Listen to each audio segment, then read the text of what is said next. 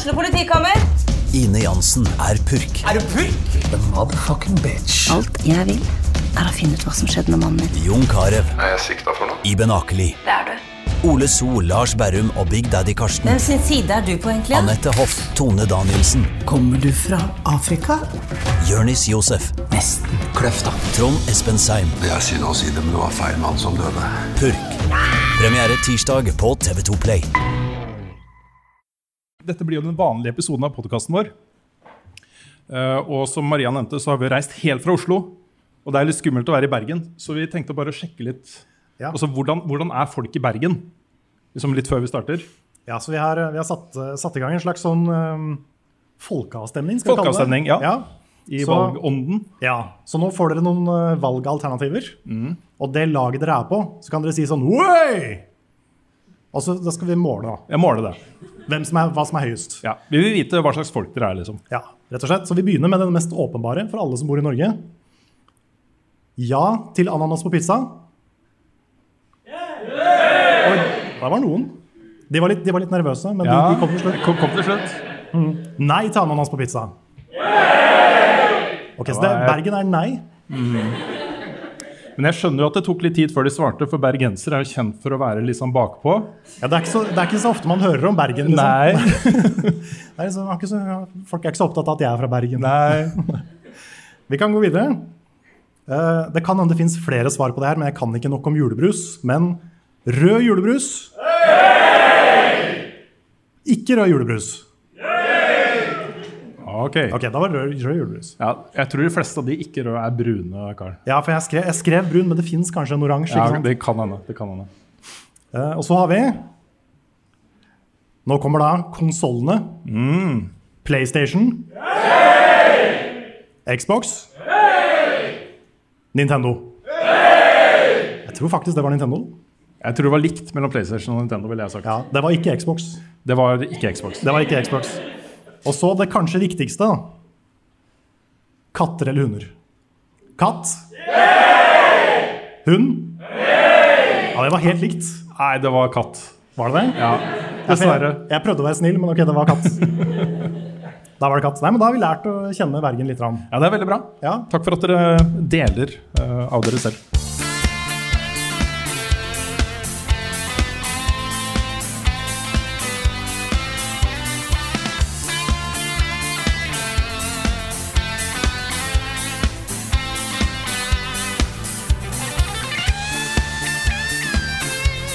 Da er det bare å ønske hjertelig velkommen til den aller første episoden av Level Backup, spilt inn i Bergen. Oh yes. I Bergen, ass. I Bergen. Endelig er vi her.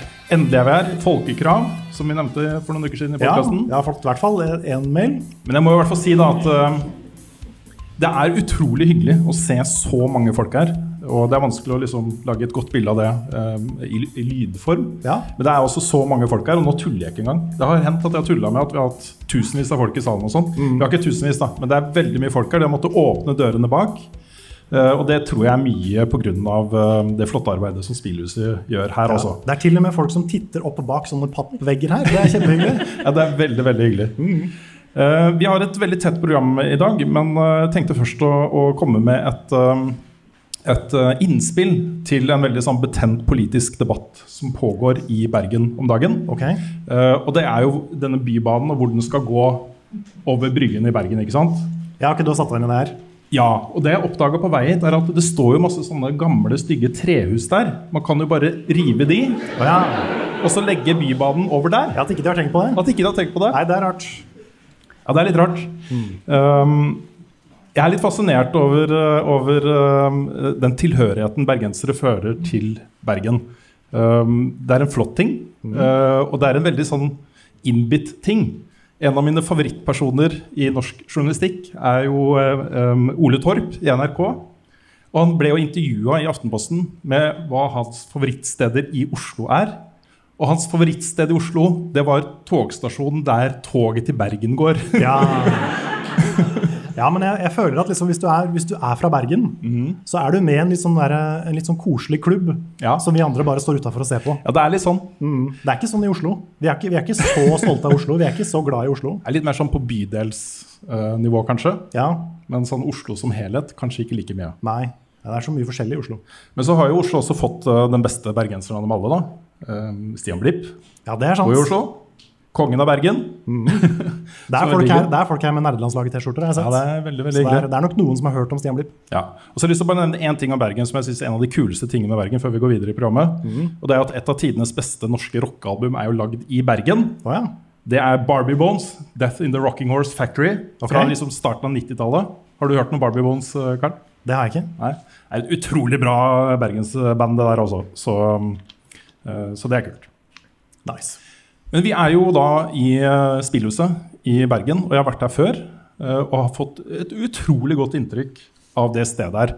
Og så Det er et så uh, varmt, inkluderende, antitoxic sted for alle som er interessert i spill i Bergen. Og mye av æren for det må du ta, Maria. Du leder dette stedet her. Uh, gratulerer med et flott sted. Tusen takk. Kan ikke du fortelle litt hvor kommer Spillhuset fra?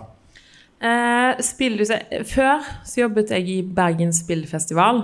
Eh, Bergen er jo spillbyen i Norge. Det vet vi jo. Eh, I Bergen spillfestival så har vi masse aktiviteter eh, for spill i hele byen. Altså det er snakk om Torgallmenningen, eh, alle barene rundt omkring. Eh, og alt for barn og unge på Bergen spillfestival er gratis. Og det var der hele ideen kom fra, da, om å lage et spillhus. Eh, og da var det Ole Valaker som sa til meg på den tiden at eh, du, skal vi lage et spillhus? Og så sa jeg OK. eh, det, det som engasjerte meg mest, er det sosiale. Fordi i disse spillmiljøene så hadde du veldig ressurssterke unge da, som drev med sjakk. Eh, og så har du jo folk fra overalt i sosioøkonomiske lag som driver med andre spill. Og når disse menneskene møter, da, du har noen som spiller Fortnite, noen som spiller sjakk, noen som bare bygger litt Lego, og så møtes alle fordi det er jo gratis å delta. Og da skjer det noe magisk, da. For man kan spille uten å eh, snakke samme språk, man trenger ikke komme fra samme kultur, og så har man det dritgøy sammen. Eh, og det var liksom noe magisk som skjedde der. Eh, så når, vi begynte jo arbeidet i 2019, eh, og nå, nå er vi jo her. Og det var jo helt sinnssykt når vi åpna. For det Ja, det var eh, ja, fantastisk. Nå er vi et åpent spilltilbud for alle, midt i Bergen sentrum, på over 1000 kvadratmeter, hvor alle er velkommen, og alt er gratis. Og det er jo helt sinnssykt. Ja. Si litt om, eh, om hva man kan gjøre her. For det er jo ikke bare at man kommer inn og henger og spiller, men dere har jo masse Dere har e-sportlag og mange andre ting. Ja, vi har et nytt e-sportlag nå. Eh, vi har begynt ett lag som heter Valkyries, og det er et kvinnelag i Valorant. Eh, så vi håper jo, det vi ønsker er jo at flere skal opprette kvinnelag i Valorant. Vi har sjekket ut, og det er veldig få. Eh, målet vårt er jo å ha en liga til neste år. Eh, sammen med Good Game. Eh, hvor vi da møtes, ha en finale på spillhuset, litt workshop.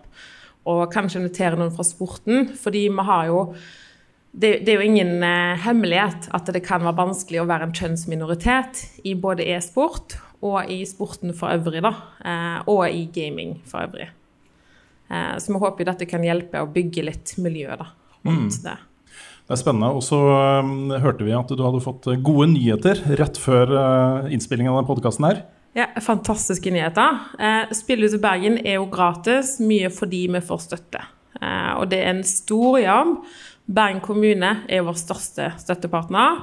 Men rett før eh, vi var så heldige å få dere på besøk nå, så fikk vi en telefon om at selv om vi ikke er i Oslo nå, så får vi 600 000 fra statsbudsjettet via den nye kulturministeren Lubna. Og den beskjeden fikk vi fra kjære Doddo. Og ja, tusen takk. Det føler jeg fortjener en sånn. Ja, Det fortjener en applaus.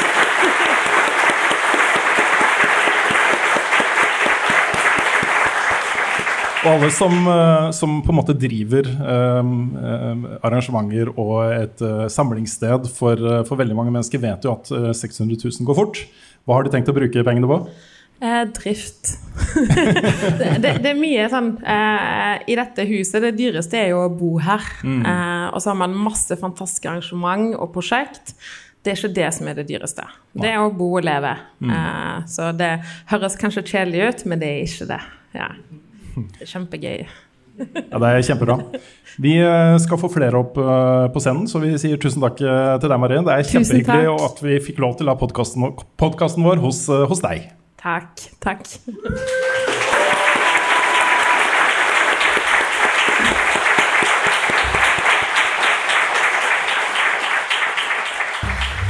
Microsoft har kjøpt alle spillselskapene i Japan.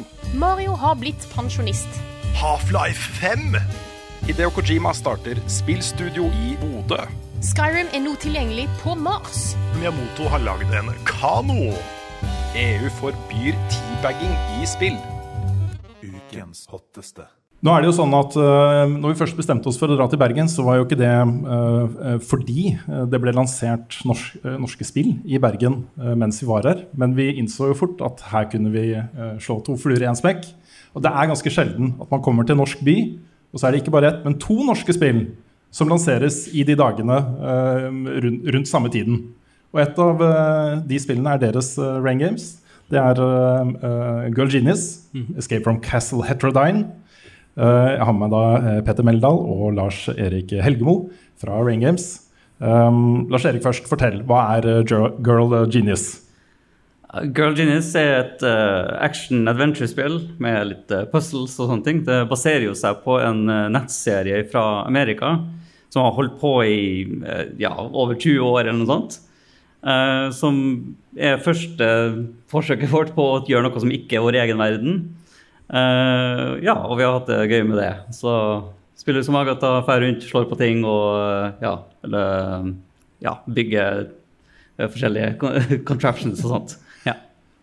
Jeg har fått med meg at Girl Genius er en ganske stor greie, men det var ukjent for meg. Hvor mm. kom mm. på en måte denne lisensen inn i døra deres? Så, Det høres ut som et spørsmål som er mer for meg. Um, vi ble kjent med de som laget tegneserien, da vi hadde dratt til Comic-Con et par ganger. Og det var på et tidspunkt der de direkte spurte på sånn, ja, dere kunne ikke tenke dere å lage et spill til det. da. Og Dette her er noe som jeg har lest på nesten siden starten, så jeg syns det var veldig artig å få høre. Og jeg, eh, det har også, som, som, du var inne på, en veldig stor gruppe med folk som uh, følger de og liker de og har holdt på å lese tegneserien i, i halve livet sitt eller lenger. så det var åssen vi på en måte fikk forslaget.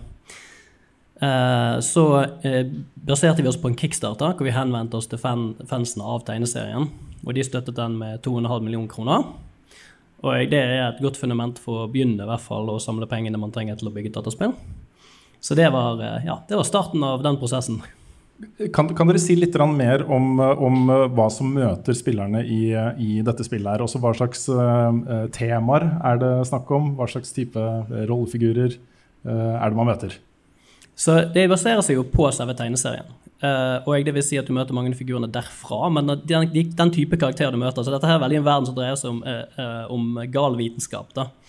Og jeg, vi liker å spille på det at hovedkarakteren er en smart karakter, så det er mange av utfordringene i spillet som baserer seg på utforsking og tenking og den type ting. Selv om det er kamp og den type ting også.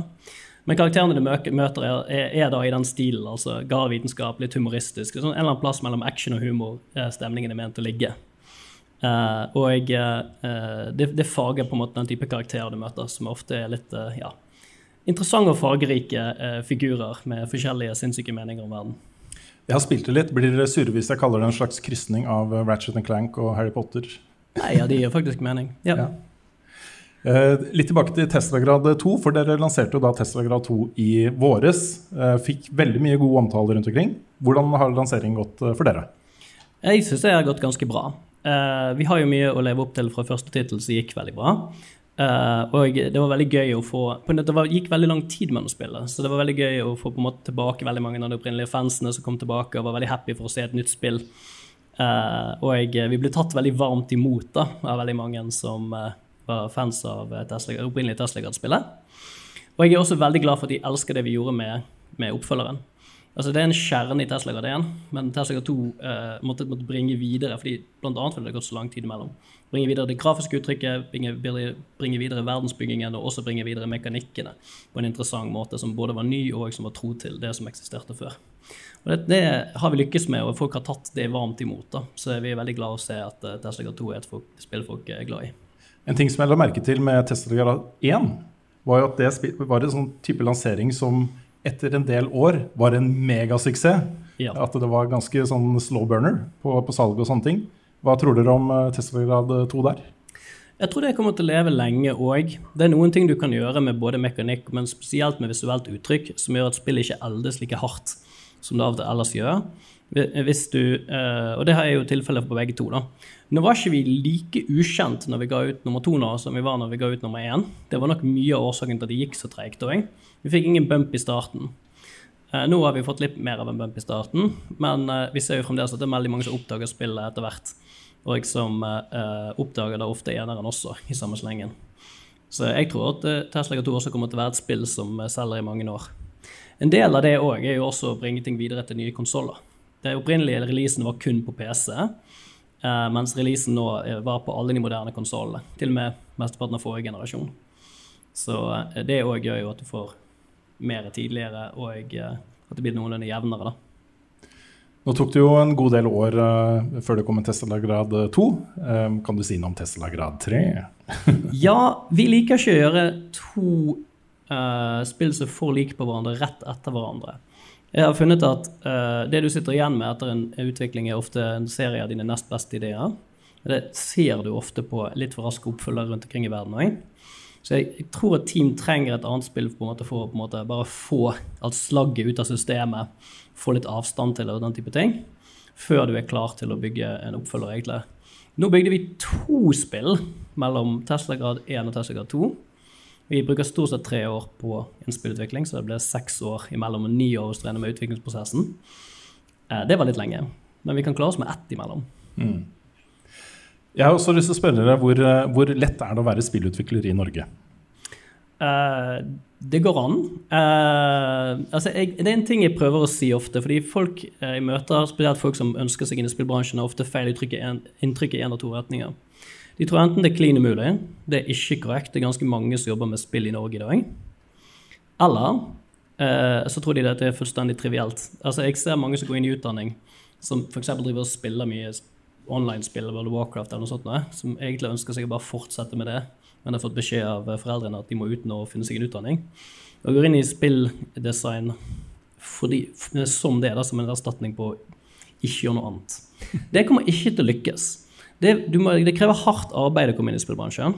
Men spesielt altså hvis du går i programmererretningen, hvis du klarer å bli noenlunde altså hvis du klarer å bli en hvis du klarer å gjennomføre utdanningen som programmerer, så kan du jobbe i spillbransjen stort sett. Som en grafiker så er det tøffere, da du stort sett måtte være en av de bedre i klassen på en av de bedre stedene som ut, utdanner grafikere. Og som en uh, Men det, det, har også nå for bør være best i klassen. Fordi det er en kort, rask utdanning, men uh, ja, du bør se deg rundt og være bedre til, enn han både til høyre for deg og til venstre for deg. I selve bransjen òg, sånn som det er nå, så har arbeidet hardt. Uh, og uh, lønningene er nok lavere enn de ville vært i andre bransjer som krever samme utdanning. Så det krever nok at du har lyst til å være der. Jeg skjønner. Og så har, har, jeg hørt også at det er en litt sånn feststemning på kontorene deres om dagen, fordi dere har hatt en spillansering. og kontorene deres er jo noen etasjer over her. Yes. og det kom noe snakk om noe nachspiel og noe greier. Ja. Blir det, er det full fest hver, hver dag hele uka? Ja, ja, altså, Vi hadde en lettfeiring siden Kenneth så er jo på tur fra Amerika. Så vi venter med den store festen til til han er tilbake, selvfølgelig. Eh, men det var noen som kom litt seint inn på jobb i dag, for å si det sånn. Ja, men det er, det er, det er lov. Yes.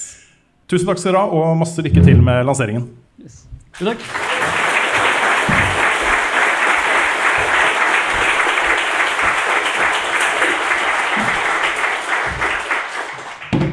Da kan uh, Juremi og Simon komme opp.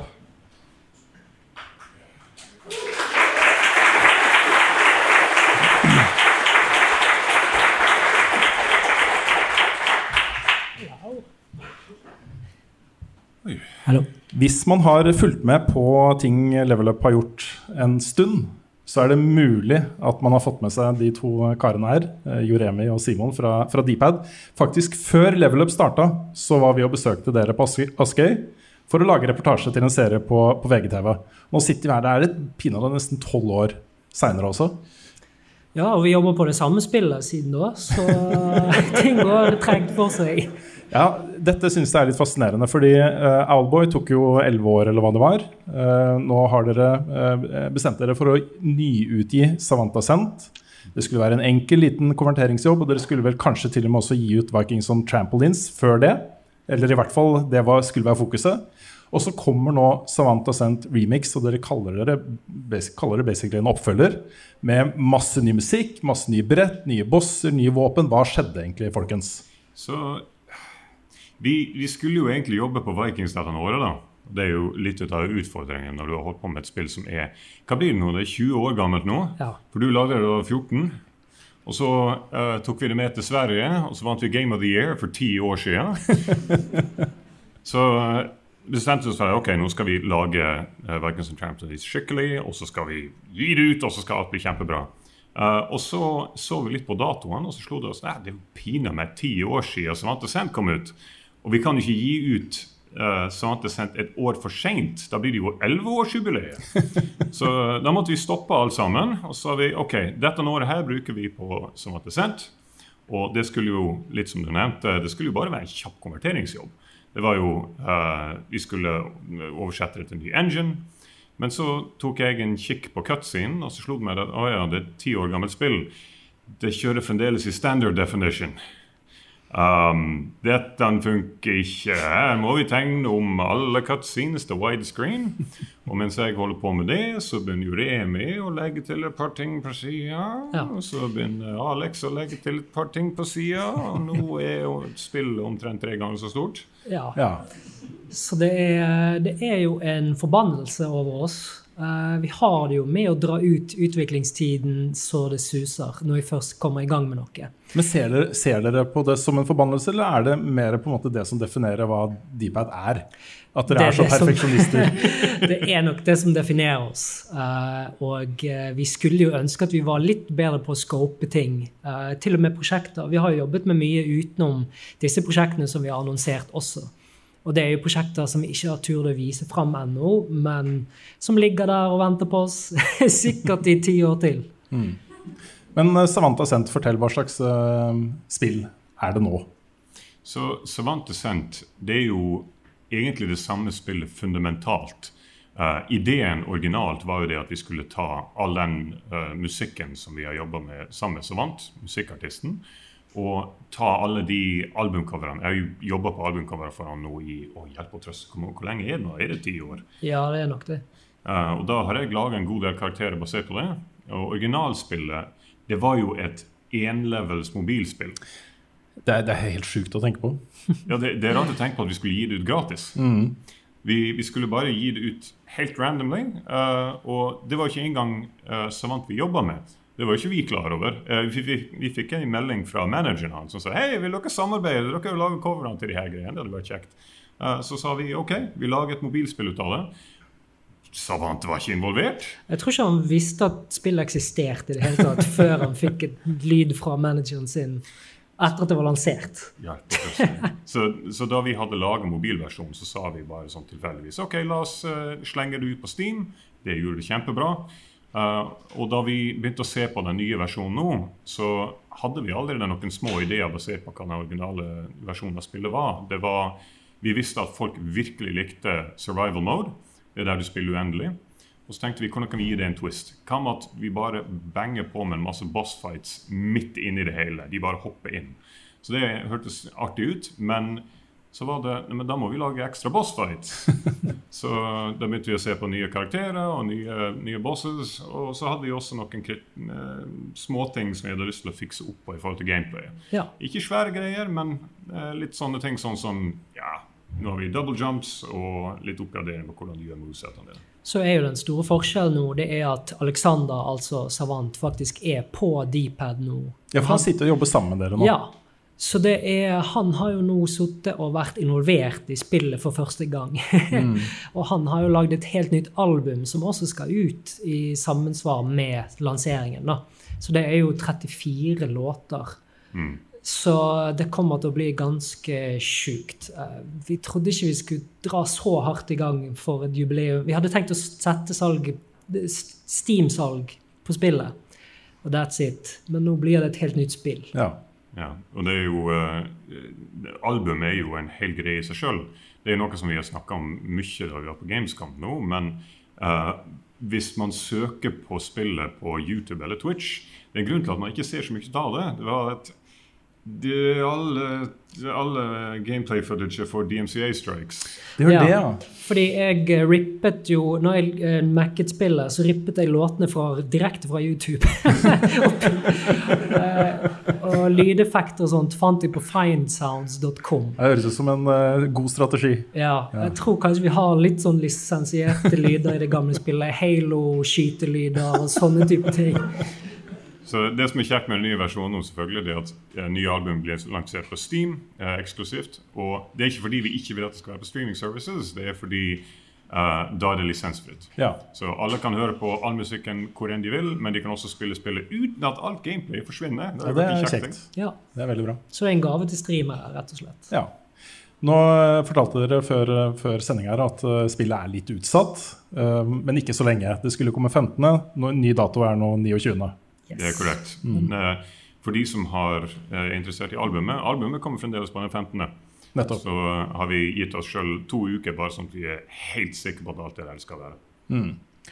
Eh, Jeg har bare lyst til å touche litt innom eh, et, eh, et sånn delvis relatert tema. For jeg har registrert at dere, i hvert fall du Simon, men kanskje litt du også Juremi, har uttrykt litt sånn utbrenthet, kanskje. I hvert fall fjor, par år siden. At dere var litt slitne. Hvordan, Ja. hvordan henter man seg opp igjen fra noe sånt? Ja, Det er et godt spørsmål. Jeg tror nok det at det vi kommer til å gjøre nå når vi har lansert, er at vi tar og kicker back litt. Grann. Eh, vi, eh, vi skal jo bli ferdig med Vikings on Trampolines også, men, eh, men det er nok viktig for oss at vi får satt oss ned litt og nyte litt av det som vi har laget også. Vi gjorde jo det med Alboy. Da tok vi jo Mm. en liten periode hvor vi Men det, det jobbet vi jo med veldig lenge, da. Så jeg vet ikke helt om vi er i samme utebrenthetsskala nå, men, men det føles som at vi trenger en liten pause uansett. Ja, det, det har litt med hvem du er som person. Altså meg for eksempel, Jeg liker at jeg har et mål som er helt tydelig, og at det kan bli gjennomført. Uh, og så er det noe med å kunne separere jobben litt fra de tingene som du liker. Noen syns det er bra å blande de to. så Jeg skal ikke si det at du må absolutt ha en separasjon der, men jeg føler at for mange så er det Du må kunne ha en periode som er bare din. At du ikke bare sitter der og tenker OK, men hvis jeg gjør på noe nå, så er det for jobben, og da blir det enda mer jobb derfra. Så en, en viss grad med separasjon der. altså det høres veldig rart for oss å si det, fordi vi er litt sånn uh, arbeidsnarkomane. Men ta pauser, kanskje. Ja, For min del så blir det jo unger også. Jeg har jo to unger nå plutselig, så det er Da må man slappe av litt. Det er mulig jeg kjenner til den. Ja. Nei, jeg spør også litt fordi dere er jo på en måte et slags sånn typisk norsk spillselskap. Ikke så mange ansatte. Um, um, en type prosjekt da, som ikke krever at dere er 30 personer på jobb. og, og sånne ting. Det føles fortsatt som om det er et litt bevisst valg av dere. At dere kunne kanskje ansatt et par-tre til og fått en litt lettere arbeidstyngde. da. Hvorfor velger dere å operere uh, som dere gjør? Vi hadde muligheten til å ansette en, en hærskare med folk en god periode. Men ja, det, det, er korrekt. Vi gjorde et bevisst valg på å ikke vokse for mye under den perioden. Uh, og det, det, har litt med risiko å gjøre. Uh, hvis du ansetter en haug med folk, så må, blir du plutselig til en administrator. Du er nødt til å administrere en haug med folk istedenfor at du faktisk gjør utviklinga sjøl. Uh, og det kommer jo på bekostning av deg som person. da. Hvis du sitter og skal ta på deg alt ansvaret. Da kommer vi tilbake til det med å bli utbrent, selvfølgelig. Uh, men hvis du har muligheten til å gjøre det, la oss si da at du har nok kapital til at du kan betale for kun dere sjøl, og så bruke litt ekstra tid, så lemper det byrden litt av deg. Uh, og du har også muligheten til å ha mye mer risiko. Litt som vi nevnte tidligere, var at vi har laga masse andre prosjekter enn de som vi har vist her.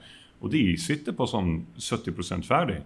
Uh, men grunnen til at vi kan gjøre det, er fordi at vi har den pausen. Og så lenge uh, budsjettene er, er, OK, og vi gjør det bra med de tingene som vi selger, så kan vi bare fortsette å gjøre det og gi ut spillene, og kvaliteten blir likevel den samme. Det er nesten litt sånn running gag i level up-sammenheng det at nå kommer snart Vikings on Trampolines. Vi spilte det jo allerede for tolv år siden. Vi har spilt det jevnlig. Duellerte det i level up-sammenheng. Når kommer det egentlig? Blir det neste år nå, da, eller hva, hva tenker dere? Ah, jeg håpet at det spørsmålet ikke kunne Ja, nei. Sånn som vi sa med Alboy i opptil seks år, det kommer neste år. Ja, neste år. Det er en litt sånn fun fact eh, på det her. Det er faktisk nå halvannet år siden vi var her i Bergen og gjorde et lanseringsintervju for Vikings and Trampolines med dere. Som vi ikke har sluppet, fordi spillet kommer jo ikke. Nei, stemmer. Nei da. Vi, vi er faktisk ikke helt sikre på når spillet kommer. Nå skal vi prøve å få oss en god pause, og så begynner vi nok igjen eh, med utviklingen om ikke så altfor lenge. Det, det vi kan si, jeg tror det er eh, Det er ikke så, så feil å si at vi har ikke særlig mye mer enn et år igjen på det, tror jeg. Uh, når den er over, så får den ute. Så, så, snart vi har et år tilgjengelig, så da kommer spillet. ja. Men vi skal sørge for å vise det fram plenty innen den tid. Ja, det er bra. Og først er det jo Savanta Sent Remix, som kommer 29.9. Jeg gleder meg veldig. Jeg fikk bare så vidt testa faktisk. Savanta Sent da det kom ut. Det var Frida som anmeldte det for oss, hvis jeg ikke husker helt feil. Det var vel Jeg tror Carl Martin eh, hadde en Let's Play av det. Kan nok stemme. Jeg tror ikke Frida var på level up. Nei, kanskje ikke. Kanskje faktisk. var det en annen. Det er såpass lenge siden. Ja, jeg husker ikke. Men uansett, jeg gleder meg veldig, og dere må ha masse lykke til. Tusen takk. Takk skal du ha.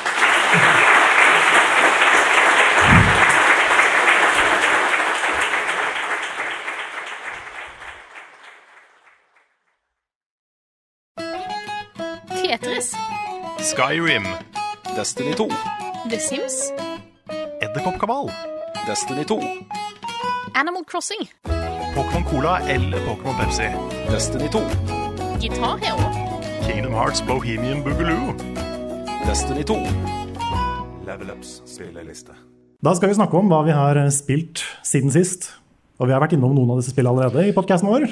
Det er mulig skal... at det blir litt sånn repeat. Litt rann. Mm. Vil du begynne med å snakke litt mer om Starfield? Ja, Nå er jo anmeldelsen min av Starfield ute, og jeg må innrømme at det å sette en karakter på det spillet syns jeg var innmari vanskelig. Uh, egentlig Hovedgrunnen til at jeg syns det var vanskelig, er at det er et spill der ute som heter No Man's Sky, ja. som har gitt meg mye av det jeg ønsket fra Starfield. Også den der frie utforskingen av masse planeter og bygge baser og fly over over planeten og finne et kult sted å lande og, og bruke landkjøretøy og alle disse tingene. Mm. Som jeg, satt, jeg, setter så stor pris på i No Man's Sky. Og jeg må bare si til alle som ikke har sjekka ut det spillet, det har altså blitt så bra nå. Det er så mye å gjøre der. På den annen side så ligger jo No Man's Sky på en litt annen ende av den skalaen på seriøsitet og sånn hardcore uh, space. Ja, fordi No Man's Sky gjør på en måte én ting veldig bra, er det ikke sånn? Ja, den, den, gjør masse ting. Okay, den gjør flere ting. Ja, den gjør masse ting, men den er på en måte uh, litt mindre uh, Det er ikke like RPG? Nei, altså litt mindre base i, i, faktisk vitenskap enn det Starfield prøver å gjøre. Ja, sånn, ja. Så grunnen til at Starfield da ikke gir deg muligheten, eller i hvert fall en av grunnene, en de kan lene seg på og mm. si, er jo at det å fly mellom planeter på den måten Det tar jo så lang tid, og man får jo ikke til det, og det er jo helt urealistisk. ikke sant? Men det er derfor du har sånn hyperspeed? Og... Ikke sant. Um, så, så, så, det jeg er skuffa over i Starfield, er jo rett og slett det. Du kan ikke fly ned på en planet. Fly over overflaten, finne et kult sted å lande, uh, bygge en base, uh, ta noen kule skjermbilder som du deler på sosiale medier, mm. og så bare fortsette å utvikle den basen. Det er, det, er, bare cutscenes hele veien, og det er til og med um, når du lander på en planet eller en måne, så genereres det bare en, en sånn, et område okay. som er basert på at du lander der og da. Og hvis okay, du lander på akkurat det samme stedet neste gang, så vil det se helt annerledes ut der. Ja, ok, Så det er faktisk procedurally generated av og til? Ja, på en måte litt hver gang. Ok. Uh, det er ikke noe sånn kjempestort problem også, fordi um, det at alle disse planetene eksisterer der, og det er jo baser og det er jo ting som er håndmodellert på disse, um, noen av disse planetene og månene. Mm. Uh, men den der følelsen av å være i verdensrommet liksom, og utforske den fritt, er liksom ikke helt der, da. Okay. Men det det er, er en utrolig god rollespillopplevelse. Og ikke bare én, men mange veldig gode historier. Uh, spesielt det som er da hovedquesten i spillet. Uh, det starter med at du finner en sånn mystisk uh, gjenstand. Som kanskje kommer fra noe som ikke kommer fra menneskeheten. Kanskje det er noe aliens og et eller annet. Man vet ikke helt. Det er veldig mystisk. Og så starter da jakten på resten av disse. Og så det der store spørsmålet hva skjer da, når man finner alle? ikke sant? Mm. Det er en utrolig god quest. Anbefaler alle å fullføre den. Uh, og I tillegg så har du jo egne quester, egne storylines for de forskjellige faksjonene i spillet. Og Der er det også så interessant, altså. For du kan jo f.eks. Uh, uh, både bli en pirat, eller du kan bli en spion. Uh, hvor du skal spionere på piratene og sørge for at de blir stansa. ikke sant? Og så kan du double cross, og du kan krysse og, og gjøre masse sånne etiske valg på veien. da, Ja. Som ikke engang står i, i valgmulighetene du får i, i dialog og sånt. Så du kan være en pirat som later som han er en spion, som egentlig er en pirat. Noe sant. Ja. noe sant. Ok, kult. Ja. Og der er det altså så mange utrolig kule sånne uh, uh, set pieces, hva heter det på norsk? Altså sånne konstruerte hendelser med stilige miljøer, uh, kule rollefigurer, bra dialog. Også scener, sekvenser, som er kjempegode. Så når jeg satt og så tilbake, så var jeg skuffet over noe, men så var jeg veldig imponert over de andre tingene. Og En av de tingene som jeg liker best da med Starfield, det er jo at de um, holder det der i løftet om å basere seg på um, og så Se for deg NASA og romteknologi i dag. Skru tida fram 300 år, hvor er vi da?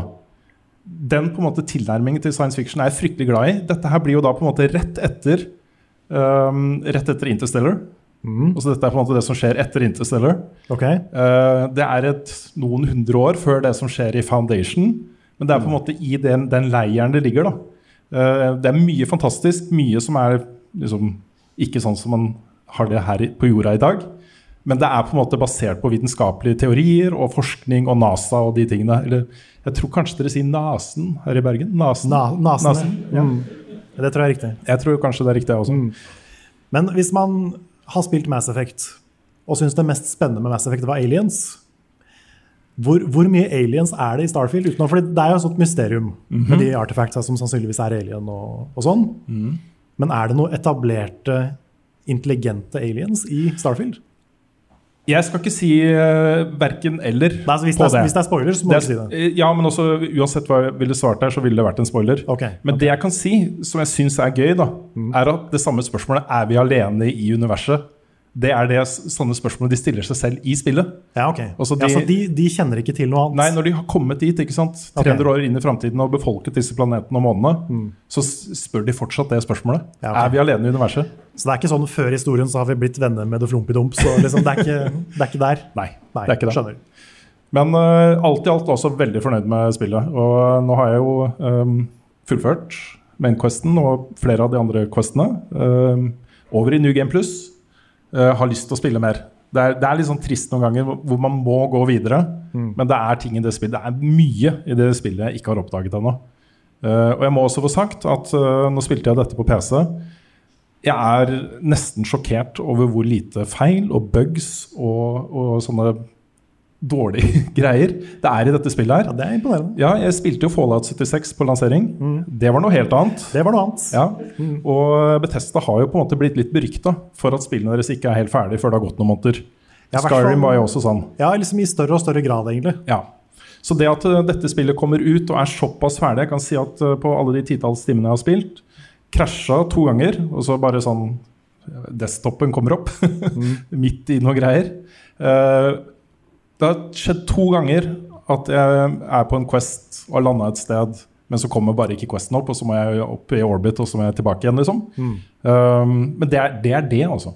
Det er det, og det er nesten sjokkerende. Så, så veldig happy for det. Nice. Sa du hva du ga det i NRK? Det ble terningkast fem. Ja. Og jeg, jeg var veldig sånn derre er, er det en firer, er det en femmer? Eh, sånn For å oversette til, til våre lyttere, så, så er det jo da Er det en syv av åtte? Nei, syv av ti, eller en åtte av ti? Eh, jeg syns det fortjener en åtte av ti. Jeg, jeg syns altså alt i alt så, så er dette et uh, veldig, veldig bra spill. Til tross for uh, dette med utforskingen, som jeg ikke er helt fornøyd med, og til tross for at uh, den sånne type ting som ansiktsanimasjoner, eh, utvikling av rollefigurer, er en god del bedre i både Ballerskate 3 og Cyberpunk 2077. Ja. Eh, det er litt statisk. Ja, jeg tenker mye tilbake til Skyrim Mm. når det kommer til det. Fordi Skyrim er en sånn svær verden med så mye å gjøre og så mange kule quester og øyeblikk. Og ikke en eneste figur jeg ble glad i. Nei, jeg ble litt glad, glad i Andreja, jeg, da, i, um, i Starfield. Okay, nice. Vi ble sammen til slutt. Og dere ble det? Det ble ordnings. Det ble ordnings? Ja. Ja. Det er, jo, det er jo da måten sex har blitt oversatt til norsk i The Sims. Ja, det stemmer det. Det er Tore Sand som fant det ordet, tror jeg. Stemmer. Um, men det er jo en kjempelang quest, da. Og det, da må du jo hver gang du kommer opp uh, en uh, dialogoption som det står flørt på, så må du jo velge den, selvfølgelig. Ja. Uh, og til slutt, da, så, så Nesten uansett tror jeg hvilken av rollefigurene du kan ha interaksjoner med, kan ende opp der, da. Og jeg kan jo nevne da at du får en 15% XP-boost hvis Oi. du sover sammen med de du har blitt kjæreste med. Ok. Ja. Så, Så du, du får rett og slett en ordningsbonus? Man gjør faktisk det også. Og du Ja. får jo en 10% hvis du bare sover. Så det er en oh, ja. 5 eks, 5 okay, poeng får- på toppen av det-. Ja, ikke, ikke sant? Ja. Mm. Men det funker jo sånn i virkeligheten òg. Mm. Jeg synes det, var, jeg, det er akkurat sånn det funker. Ja.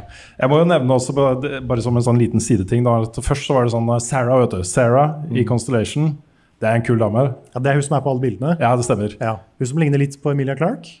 Ja, det kan kanskje tenkes at hun ligner litt der. Men også en veldig sånn kul personlighet som matcha veldig min egen. Fordi Constellation er jo sånn Thor Heyerdahl i verdensrommet. ikke sant? De, de skal finne ut hva disse artefaktene er, og de skal utforske. og De er sånn uh, filantroper og, og eventyrere. ikke sant? Og hun er veldig i frontlinjen på det. Eh, så når jeg hadde samtale med henne, så var det hun sa ting som jeg tenkte. ikke sant? Så jeg ble veldig betatt av henne. Ikke, ikke ordentlig betatt, men sånn i spillet. Betatt av henne. Eh, og så kommer da Andreja inn, den mørke, kule dama inn fra sidelinjen. Så da ditcha jeg bare Sarah helt, og så var det fullt, fullt på henne, da. Så, Ja, ja. skjønner. Ja, jeg må få spilt det spillet her. Det er så utrolig mange svære spill i år. Jeg Det bare- er veldig mange store spill i år. Men jeg skjønner at jeg må, jeg må innom Starfield. Ja, det, jeg vil anbefale det. altså. Mm. Og så kan jeg jo si da at vi, hvis du vil hvis du vil bare få med deg denne main questen, Mm. uh, så kan man liksom bare pløye på og kjøre gjennom den. Jeg vil jo ikke anbefale noen å gjøre Nei, det. det, sånn fø- det føles jo veldig anti-Starfield, på en måte. Ja, men det er, det er noe med den opplevelsen hvor, uh, hvor um, Da kan du bare starte nytt spill. da. Få med deg Ja. det, og så kan du gå tilbake og gjøre alle de andre tingene. Mm. Men bare den questen i seg selv er en veldig god science fiction-opplevelse. Altså. Veldig god science fiction-opplevelse. Ja, kult. Is that my cue? Det er det. Fordi jeg har sittet med et annet svært spill mm. i ganske lang tid nå. Og etter jeg tror ti sessions sammen med Nico Svendsen, så har vi endelig kommet til slutten på Boulders Gate, akt 1. Akt 1. Akt 1. Akt 1. Og det er et så massivt spill. Jeg har hørt at liksom i andre Larian-spill så er akt 2 enda lenger. Det vet jeg. jeg vet ingenting om akt 2 og 3 i, i Gate, så det, det vet jeg ikke. Men eh, det er et så massivt spill, og det er så mye å gjøre, og det er så mange veier ting kan gå, og jeg blir helt svimmel av det. Tror du dere blir ferdig før uh, Vikings on Trampolines kommer ut? Faktisk ikke. Nei. Jeg tror ikke det. Tror ikke det. Men det, det er kjempekos. Det er et av årets beste spill. Sånn helt soleklart, liksom. Mm. Jeg har aldri spilt et sånt eh, type CRPG før. Det nærmeste er Disco Elysium, som jeg spilte og elska. Men dette er, eh, det er så sånn hardcore rollespill. DND, terninger, full pakke, liksom. Og det er så gøy. Og nå har vi begynt å liksom få, nå, nå har bildsa våre begynt å skinne litt. ikke sant? Mm. Begynner Chuck Biff å bli sterk. Han har sånn dobbel crossbow. Oi. Det er kjempekult. Ja.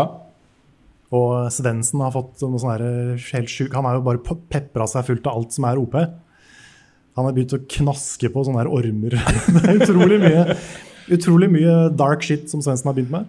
Dette er en serie som dere legger ut på, på YouTube-kanalen vår. Og jeg må innrømme at jeg tør, jeg har ikke lyst til å se den. Nei. Fordi jeg, jeg føler at jeg går glipp av noe her. ikke sant? Mm. Jeg hadde jo ikke tid til å bli med dere da dere starta.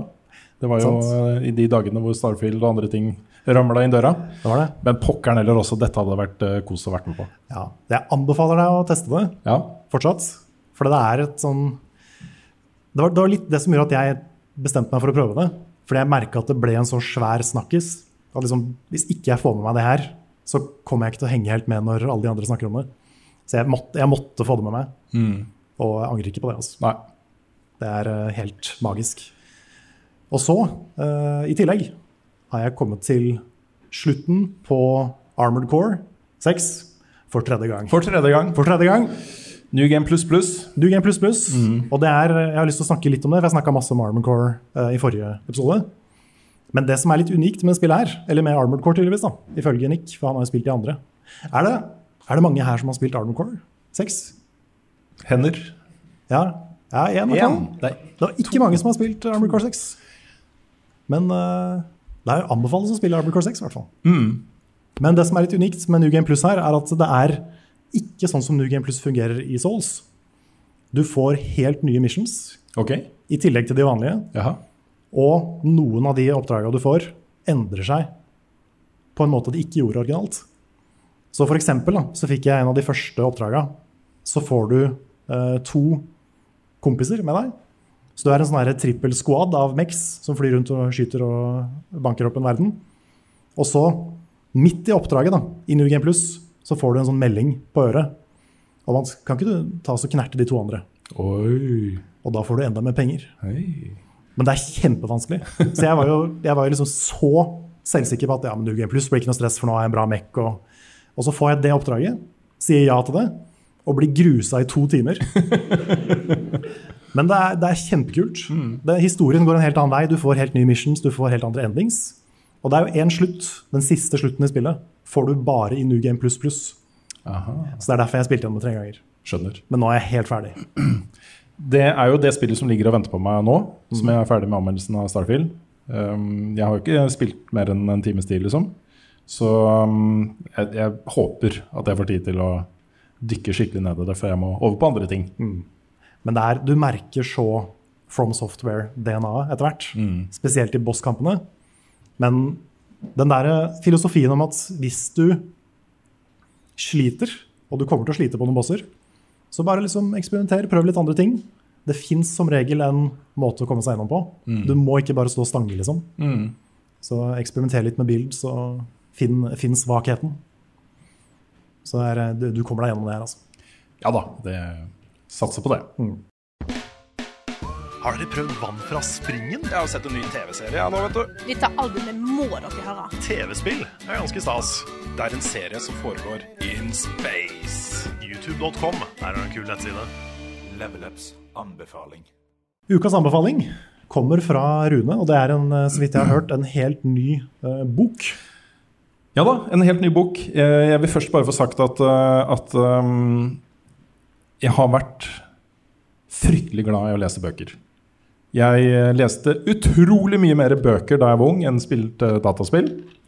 Um, og helt fram til jeg fikk mitt første barn det, det var ikke bare mitt første barn, det var kona hans også. ja. Så leste jeg Jeg kunne lese en bok i uka. Og det, det var sånn alltid vært. Jeg har lest tusenvis av bøker. Etter at barna ble født nesten ingen. Nei. Og det er, vi snakker tolv år, liksom. Tolv og et halvt år. Så har jeg liksom kjøpt bøker, har hatt lyst til å lese, åpna de, og liksom to sider, og så er det dataspillene, og det er TV-serien, og det er mobilen, og det er ikke sant? Ja, fordi barna har den samme plassen i hjernen som bøkene hadde. Ja, det, Sånn var det i starten, i hvert fall. Og så uh, gikk jo det litt over, men da var det andre ting som hadde erstatta den der gleden jeg får å lese bøker. Også, ikke sant? Mm. Men på søndag så satte jeg meg ned med en av de sikkert 50-100 bøkene jeg har kjøpt da, disse tolv årene, som jeg har hatt mest lyst til å lese, nemlig 'Masters of Doom' av eh, David Kushner. Og eh, eh, dette, dette er jo da historien om, om id Software. Eh, og Ion Storm, som er det selskapet som eh, eh, John Romero gikk ut for å starte. Stemmer. Og det er litt morsomt med, med de tingene vi har snakka om tidligere, med utviklere og, og, og det ikke blir for mange og disse tingene. Alle de temaene som, som norske spillutviklere eh, håndterer, kommer så utrolig godt fram i denne boka her. Og det, dette er jo en revolusjon. Mm. Også da, de, da John Carmack satte seg ned og fant ut hvordan man skulle lage eh, 3D på PC, så var jo det en revolusjon. Mm. Eh, og den revolusjonen starta egentlig med 2D også, fordi eh, det var jo på en måte Nintendo som eide eh, disse store, kule spillene som var på TV-skjermer og sånne ting. Og det å få til sideskrollende spill hvor det var, hvor ikke var noe liksom eh, eh, hakking, da. Eller hvor man ikke bare bytta scene og sånne ting, var ingen som hadde fått til på PC. Nei, jeg husker den perioden der med PC-spill som ikke klarte det. Det fikk de til, da, ved Ja. å bare kopiere uh, Super Mario Bros. Ja. Så de lagde en, en, eh, en uh, ren kopi av det. De ville gjerne konvertere Super Mario Bros. eh, 3 til, til PC. Mm. Og lagde, de lagde bare en kopi av det. Sendte det til Nintendo, så fikk de nei, da. Ja, ja. Men fra det så vokste det fram et, et partnerskap mellom John Romero og John Carmack, som er litt sånn yin og yang. Hvor eh, Romero var eh, superstjernen, eh, veldig opptatt og glad i å på en måte bli gjenkjent og alle disse tingene. Mens Carmack da satt liksom og koste seg med kode og sånt. Og dette er en så utrolig fascinerende fascinerende historie, fordi eh, du kan se hvordan forholdet deres utvikler seg fra spill til spill. I starten så var Romero den største fanen til Carmack, ikke sant? og den som skjønte han, og som forsto hva teknologien hans kunne gjøre ikke sant, med spill. Og satt der og lagde dritkule ting og alt dette her. Eh, men jeg tror det var liksom etter at de begynte å legge til multiplayer, så forsvant Romero ut uh, og var mer opptatt av det. Uh, Så det endte jo opp med at han starta opp Ironstorm, et eget selskap, som er jo en av de største og mest fascinerende katastrofene i spilldesign noen gang, med Daikatana og, og sånne ting. Jeg vil bare anbefale folk å lese den boka, altså, for det er et testamente på den tida, men også veldig godt researcha på hva som skjedde før, Mm. eh, og en del av hva som skjedde etterpå. Eh, Og det som jeg syns er også spennende, er at det dukker opp et norsk navn ganske mye her, både i forbindelse med Ironstorm og id Software, nemlig Sverre Kvernmo, som, eh, som da kom inn som en hardbarka Doom-fan og nyutdanna programmerer i USA. Inn på teamet her liksom, og satt og jobba med Doom-spill, og så da ble med Romero over i Ironstorm og fikk med seg hele den uh, greia der. Uh, senere også jobba i Funcom med Anarchy Online og, og sånne ting. Så han har jeg lyst til å snakke med. også. Jeg sendte en venneforespørsel til han på LinkedIn. Jeg bruker aldri LinkedIn, men Nei, det var der jeg fant han. Men det er proft. ja, det er veldig proft. Så jeg, jeg har lyst til å snakke med han også. Det er, uh, tenk å være en del av det spillhistorien på den måten her. Ja. Ja, det er som å ha vært med å lage det første Super Mario Final Fantasy. Ja, det er månelandinga. Eller Ja, det er helt oppi der. Helt oppi der. Ja. Ja, nei, det er eh, selv eh, apropos, eh, apropos det, så selv Carmack og, og Romero eh, sier jo at Shigeru Miyamoto er spillverdenens Walt Disney. Ja. Mm, så er veldig sånn anerkjennende til det. Mm. Men det er utrolig fascinerende. Den kom i 2003. da. Tenk at den Ja, kom for den er jo ikke faktisk ny. 20 år gammel bok som jeg har hatt bare liggende, ikke i 20 år, da, men jeg kjøpte den for noen år siden. Mm. Har hatt lyst til å lese, men den kom i 2003. Det som er litt synd, vet du, Karen, er at mye av de mest spennende greiene i den boka, det skjedde jo mens jeg var på E3. Uten å få det med meg. Og du fikk det ikke med Nei, nei, nei, nei, for jeg var jo helt fersk i spillebransjen og sånne ting. Ja. Men hva var du opptatt av den første gangen du var på E3? Det husker jeg ikke engang. Nei. Det var bare å sende nok saker hjem. Ja. Og øh, det var ikke nok. Det var så året etter så holdt jeg meg hjemme. Oh, ja, okay. Og så var jeg tilbake igjen da året etter der igjen. Ja. Så, men det hadde vært veldig gøy å på en måte vært litt mer involvert i det. Hadde jeg lest den boka i 2003, så tror jeg kanskje hele min journalistkarriere hadde utvikla seg i en annen retning. For dette er altså så utrolig bra research og så utrolig godt skrevet. skrevet. Det er faktisk, Jeg har sett Noclip, YouTube-kanalen Noclip har jo begynt å legge ut gamle E3-konferanser ja, det er kult. i, i 1080p. Ja, det er kjempekult. For de har jo sånne gamle tapes som de har nå digitalisert og funnet. Og, og, og sånn. Og det er så fascinerende å se tilbake på det. Mm. Hva de hypa opp. Ting som aldri kom ut, liksom. Bare så mange løfter og så mye Det som ble lagt vekt på, er ikke nødvendigvis det som ble populært. Mm. Det var kanskje litt dyssa ned. Men så i ettertiden så har folk skjønt at det var det som var bra. Ja. Det er en sånn kul time capsule. Altså. Ja, det er viktig å ta vare på den historien. Og den boka her, da, 'Masters of Doom', er en, en sånn tidskapsel. Det dette er et dokument på, som, for ettertiden Mm. eh, om hvor eh, spill, spillverden var. Hvor vi kommer fra. Her kommer nyheter med Rune Fjell-Olsen, og han har ikke hår. Hva har skjedd i, nyhets, i spillnyhetsbildet den siste uka, Rune? Vi tar det bare litt kjapt, vi. Så Ja. kan vi svare på litt eh, spørsmål fra folk og sånt etterpå. Um, jeg vil først nevne at uh, Dune Spice Wars, dette 4X uh, RTS-spillet til uh, ja, Det er jo Shiro Games da, som lager det, men Funcom som gir det ut. Stemmer. Har fått eh, lanseringsdato etter å ha vært i Early Access lenge. og Det er 14.9., neste torsdag. Ja, det er ikke lenge til. Du har testa det litt? Jeg har testa det, ikke mye. Nei. Men jeg har testa det da det kom i Early Access for første gang. Mm.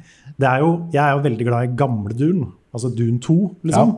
Og Dune 2000 og alle de andre versjonene av det spillet. Mhm.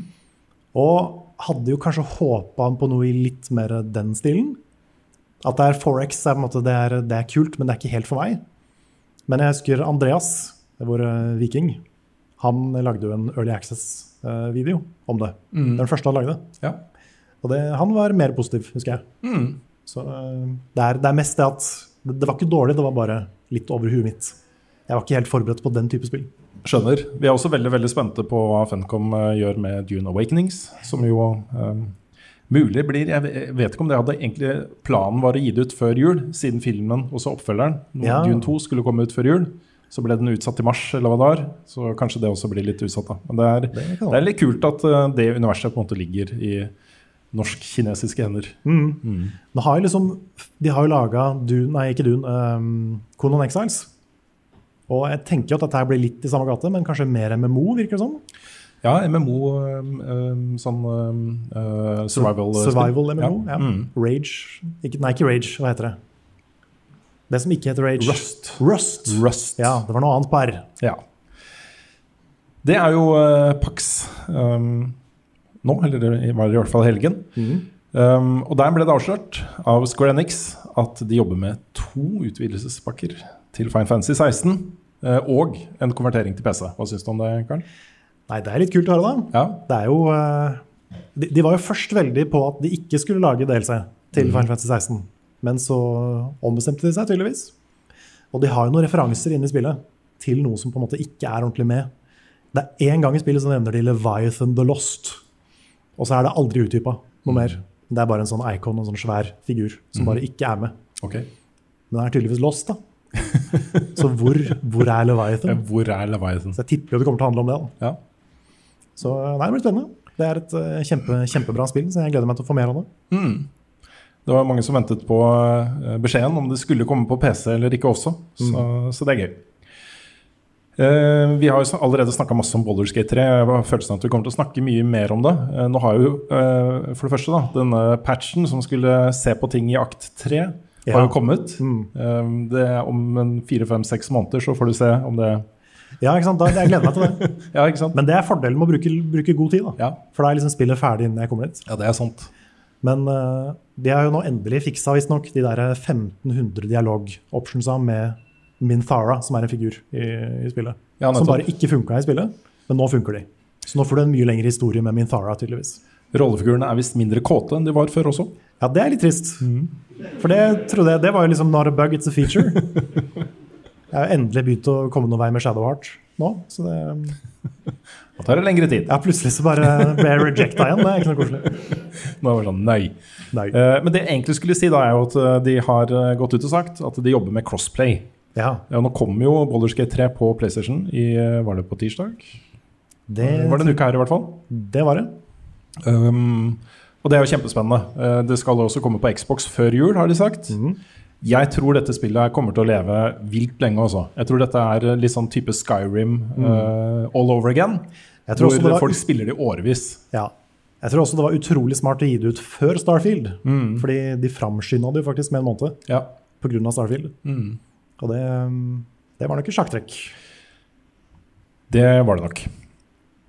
Eh, et annet spill som, eh, som har vært litt opp og ned da, eh, de siste månedene etter lansering, er jo Diablo 4. Nå har Blizzard vært ute og sagt at det vil komme en årlig expansion pack.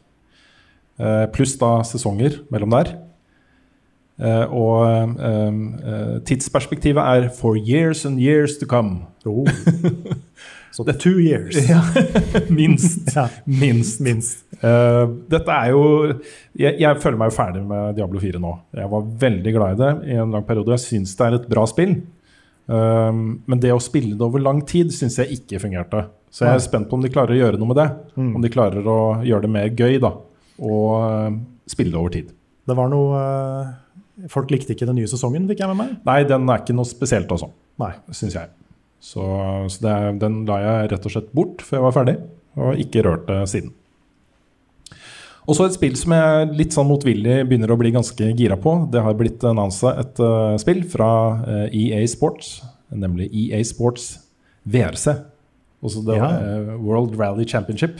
Er det det du har sånne sjuke rekorder i på YouTube? og Altså sånn? Dette er jo lisensen til de offisielle uh, rallyspillene. Det er forskjell på rally og rallycross, Karl. Okay. Ja, rally er den hvor du kjører punkt til punkt gjennom skauen i full fart. ikke sant? Ja, Mens i rallycross så krysser du det mer? Ja, det er mer baner. Ok. Ikke sant? Så, så dette er på en måte den uh, delen av rally som jeg syns er morsomst. Okay, ja. Fordi du kan øve på disse banene. Det, er, har, det har liksom en del fellestrekk med Trackmania også. Mm. Hvor du har, du har startstreken, og så har du mål. Og det er på en måte uh, det å komme seg fortest mulig gjennom en bane som du kan bli kjent med etter hvert. ikke sant?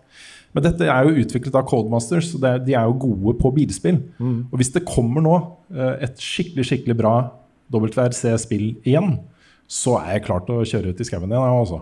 Det, det, det er noe med dette her som jeg syns er interessant. Ja, det har både blitt annonsert da, og fått en dato, og det er 3.11. på PS5, Xbox Series X eh, og S og PC. PC. Så de lager det for eh, det, det blir jo helt feil å si next gen, for det er jo current. Ja, for nå er vi ganske langt Ja. inn i the gen, ja. Men det er da bare for de nyere Mm. konsollene. Så, så dette kan faktisk bli ganske gøy, altså. Ja, kult. Hva er dines best, hvor var fredag sist? Har Carl egentlig sopp? Ukens spørsmål. Da er det, blir det spennende å se hvordan vi løser eh, spørsmål og svar. fordi vi eh, hadde lyst til eh, å gi dere muligheten til å stille oss spørsmål. Og nå har vi jo ikke noe sånn mikrofon vi kan sende rundt og sånne ting.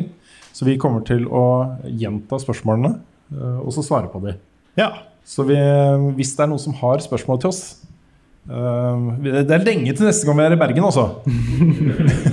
Nei, kanskje ikke så lenge. Det er ikke sikkert det er så lenge. Nei, Vi har blitt glad i Bergen, altså. Ja, vi har vært er, i er, Bergen noen ganger nå, men vi har bare ikke hatt podcast her. Det er helt sant. Så, så hvis det er noen som har spørsmål, så er det bare å rekke opp hånda, og så skal vi prøve å få tatt eh, det meste. Ja, Det er bra det er noen som rekker opp hånda først, Fordi da der slipper, slipper andre å være den første.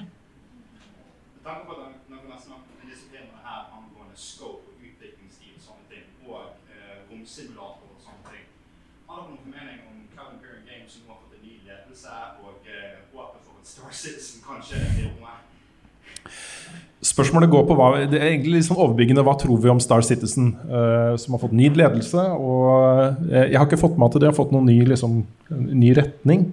Men hvis det er sant, så er det jo nettopp det spillet trenger. Og nå, skal jeg, nå eh, åpner jeg meg opp for, for uh, brev fra advokater også, Karl. Er det greit? Ok. Ja. Men jeg syns dette er liksom helt på grensen til en, en scam. da. Oi. At de har holdt på så lenge med alfa. Så lenge! Og så De vet jo at i det øyeblikket de gjør Star Citizen ferdig og slipper den, en 1.0-versjon Nå kan du kjøpe den ferdige versjonen av Star Citizen, så slutter jo folk å legge det inn i, i årsbudsjettene sine og ta det av college funds til ungene sine og sånne ting. For å liksom holde den drømmen om dette spillet i live. ikke sant? Eh, og det at det har kunnet pågå over så mange år med alfa, er ikke bra. Ikke bra. Men har de hatt noen offisiell forklaring på det? Er det bare scope creep? liksom? At de har, de har, tatt, de har satt i gang mer og mer og mer og mer for å bygge ut og bygge ut? og bygge ut? Eller er det bare liksom Er de helt hemmelighetsfulle på det? Ja, Det vil sikkert eh, spørsmålsstilleren litt mer om enn en, en meg, men mitt inntrykk er at de ikke har snakket så mye om det. At det har mer vært Nå er vi nærmere. Vi er nærmere noe ferdig. Vi er nærmere, Det kommer alltid bare nærmere noe ferdig. Og så um, er jo håpet da at de skal gjøre det etter hvert. Og jeg har så lyst til å spille Star Citizen. Jeg har så litt dette, altså. For der kan du fly mellom planeter og over bakken og lande og alle de tingene som jeg savner i, i Starfield. ikke sant? Um, men jeg, bare, jeg, jeg kan ikke bli um, jeg, støtte det på den måten. Nei. Så jeg venter til en 1.0-versjon, og så er jeg klar. Venter til barna får egen lønn og sånn. Nettopp. Ja. Flere spørsmål? Det var en her som hadde Ja? Jeg lurte på, i spill hvor dere har flere builds, eller flere karakterer og sånne ting, ja, dere ett build, eller liker dere å bytte mellom og eksperimentere i sin build? Åh, godt spørsmål. Spørsmålet er om vi liker å, å Også i spill hvor det er forskjellige typer eh, builds, og som kan lage forskjellige typer builds, eh, om vi da liker å eksperimentere med forskjellige builds, eller om vi går for den samme tingen Mm. igjen og igjen. Jeg må innrømme at eh, jeg, det er ofte jeg starter på nye builds. Ja. Og nå hadde det vært gøy med noe Dex eller noe magi, eller noe sånt. Ja, ja. og så finner jeg det første store sverdet, og så er jeg i gang igjen på strength. Og, Ja, for det er jo en grunn til at du, det er en grunn til at du velger navnet Dr. Deng. ja, det er det. Ja. Nei, for jeg er, jeg er litt det samme med Dex. Det er sånn jeg, jeg merker at jeg ofte faller for litt sånne kjappe våpen. Gjerne hvis jeg kan dual-wilde, det er kult. Så når jeg fant ut at jeg kan ha to crossbows i Boulder Skates, det er sånn, ok, nå, nå er det dette her jeg gjør. Så- hvordan funker det? Ja, men du har sånn, Det er sånn pistoler, ikke sant? Oh, ja, okay, det, er så- sånn, det er sånn Lara Croft. Sånn armbrøst? Ja. Type ting? Ja, på en måte. Ja, riktig. Ok. Men de er små, så du kan Ja. ha de. Så, så det, du blir litt sånn Lara. Men, Ja, men, skjønner, eh, skjønner.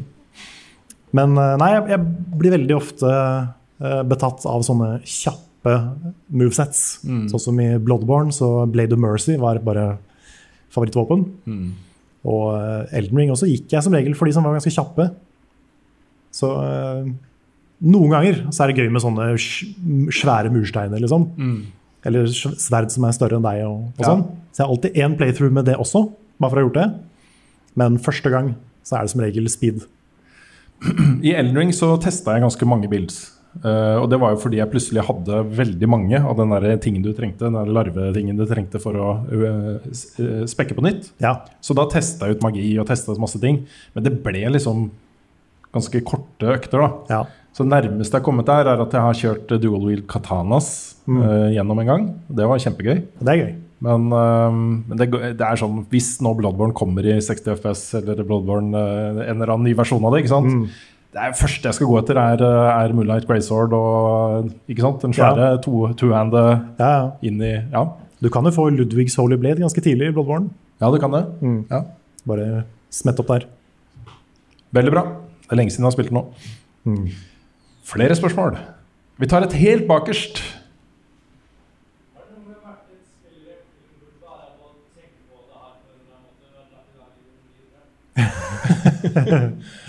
Om det noen gang har vært et spill som har bare å tenke på det, så har det ødelagt dagen vår. Oi! det, da er det dårlig. Ja, men det kan også være at du egentlig skal liksom øh, støtte kona di under fødselen av ditt første barn, men så er du så hekta på et eller annet spill at du ja, sånn, på? Du sitter og minmakser i hodet ditt. Og Ja. Det kan jo være det også. Ja. Sier noe. Det er ikke en sann historie, da. Bare Nei, så det er nevnt. Nei. Nei, Jeg tror aldri jeg har hata et spill så mye. Det er liksom, da må det være et spill som på en måte har offenda meg, men jeg kan ikke huske at det har skjedd. Det er liksom, det er noen spill som bare er teite. Mm. Hatred og sånn, liksom, husker jeg var en ting. Men, For- ja, men det var, liksom, det var bare dårlig. Jeg, ikke, jeg hata det ikke. Nei, så skulle jeg ikke anmelde heller, så når jeg syntes det var dårlig, så kunne jeg bare legge det bort. og la være å spille det.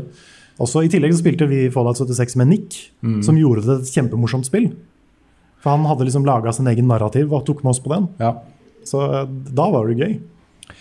Jeg tror det kanskje Dette er en veldig tilfeldig historie. Det er sikkert 100 andre historier jeg kunne fortalt. Men en av de tingene som jeg ble mest irritert over, og som jeg gikk og, og gremma, meg over, gremma meg over lenge, eh, over lange perioder, det var de der spekulative nakenscenene i, eh, i uh, Beyond Two Souls. Ja. Hvor, eh, hvor jeg var sånn der David Cage, også den grisegutten, hva er det han holder på med? Så det er så unødvendig. Det er så Ja. unødvendig. Og det var ikke første gang. Nei, det var ikke første Du gang. har akkurat de samme scenene i både Fahrenheit Ja. og Heavy Rain. ja. Da var jeg irritert fordi eh, det var et spill som jeg i utgangspunktet tenkte at dette her er også så interessant. Og det er så god historie, og det er så kule rollefigurer og gode skuespillere, og sånt, og så driver man med det tullet her. Mm. Da var jeg irritert. Sånn ordentlig irritert. Ja. Ja, andre halvdel av Beyond, Ja. da, var jeg litt, da ble jeg litt sur. Mm. Jeg husker da jeg starta på det spillet, så fikk jeg en sånn herre Jeg håper ikke det er dette her som er twisten. og så 20 timer seinere så var det det som var twisten. Ja, ikke sant. Da ble jeg skuffa. Og så er det Yes. Sonic Boom, da. Da, ble jeg litt lei meg. Ja. Flere spørsmål? Det er noen flere ender her. Vi kan ta der først. Brettspill har jo blitt veldig veldig avanserte noe greier. Det har vært veldig stor utvikling der. Dere har ikke tenkt å begynne å anmelde brettspill eh, også? Spørsmålet er brettspill, om vi ikke har tenkt til å gjøre noe mer på det.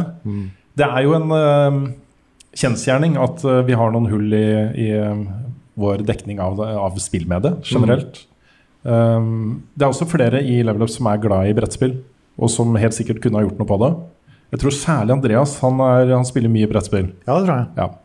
Um, det som er tingen er at vi eh, på en del av disse tingene, det gjelder også f.eks. e-sport. Um, det gjelder eh, en del spillsjangre som vi ikke er så gode på. Så føler vi liksom gjerne at hvis vi først skal gjøre noe på det, så må vi gjøre det skikkelig. Vi kan ikke bare sette oss ned og så er Det brettspillet her så gøy ut på Outland, vi tester det, og så er- viser det seg at det finnes jo 300 brettspill som er like og som er bedre, ikke sant? Og så sitter vi bare der nå ja, vi, Ja, det er noe med det å ha kompetanse på det. Fordi jeg også kan sette meg ned med et brettspill og synes det er kjempegøy. Jeg har jo masse venner som er glad i brettspill, som har eh, spilt mye forskjellig rart med de, liksom. Men jeg har ikke noe oversikt over markedet, liksom. Nei. Jeg har ikke noe oversikt over hva som er bra, hva som er populært, hva som bare er en kopi av noe annet. Og da blir man jo litt avhengig av at vi, har, eh, at vi setter oss ned og blir gode selv. Mm. At vi begynner å dedikere vår tid til også brettspill. Og det eh, Ja.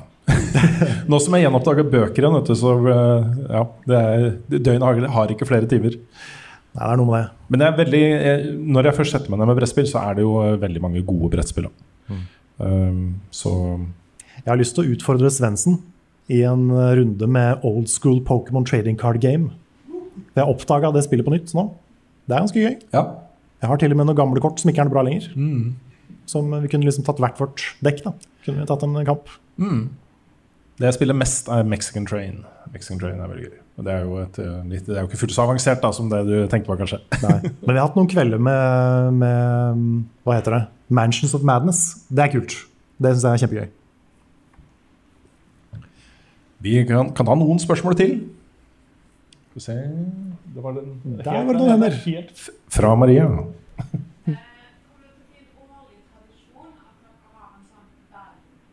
Yeah.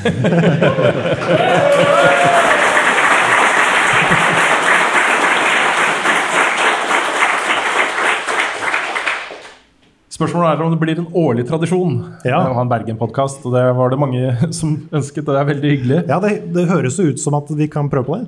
Vi føler oss veldig velkomne i Bergen, og vi, vi øh, syns det er veldig hyggelig å være her. Og vi syns Bergen er en veldig fin by. Mm. Og jeg syns også de der trehusene nede eh, De er, er pene også. Jeg vil Ja. bare få sagt det. Og, og Nick sa det til meg i stad, og det Ja. var, det var uten at det var noen bergensere som hørte på. At liksom, her er det faktisk fint. Ja. Så da var det, da var det, da var det sant. Nei, vi kommer gjerne tilbake. Jeg kan ikke love en årlig ting, men vi kommer gjerne tilbake. Og eh, gjerne med Frida også. Mm. Det er alltid litt sånn rart å lage podkast uten Frida. Ja, for hun er på en måte litt sånn ankeret i podkasten. Ja da, hun er det.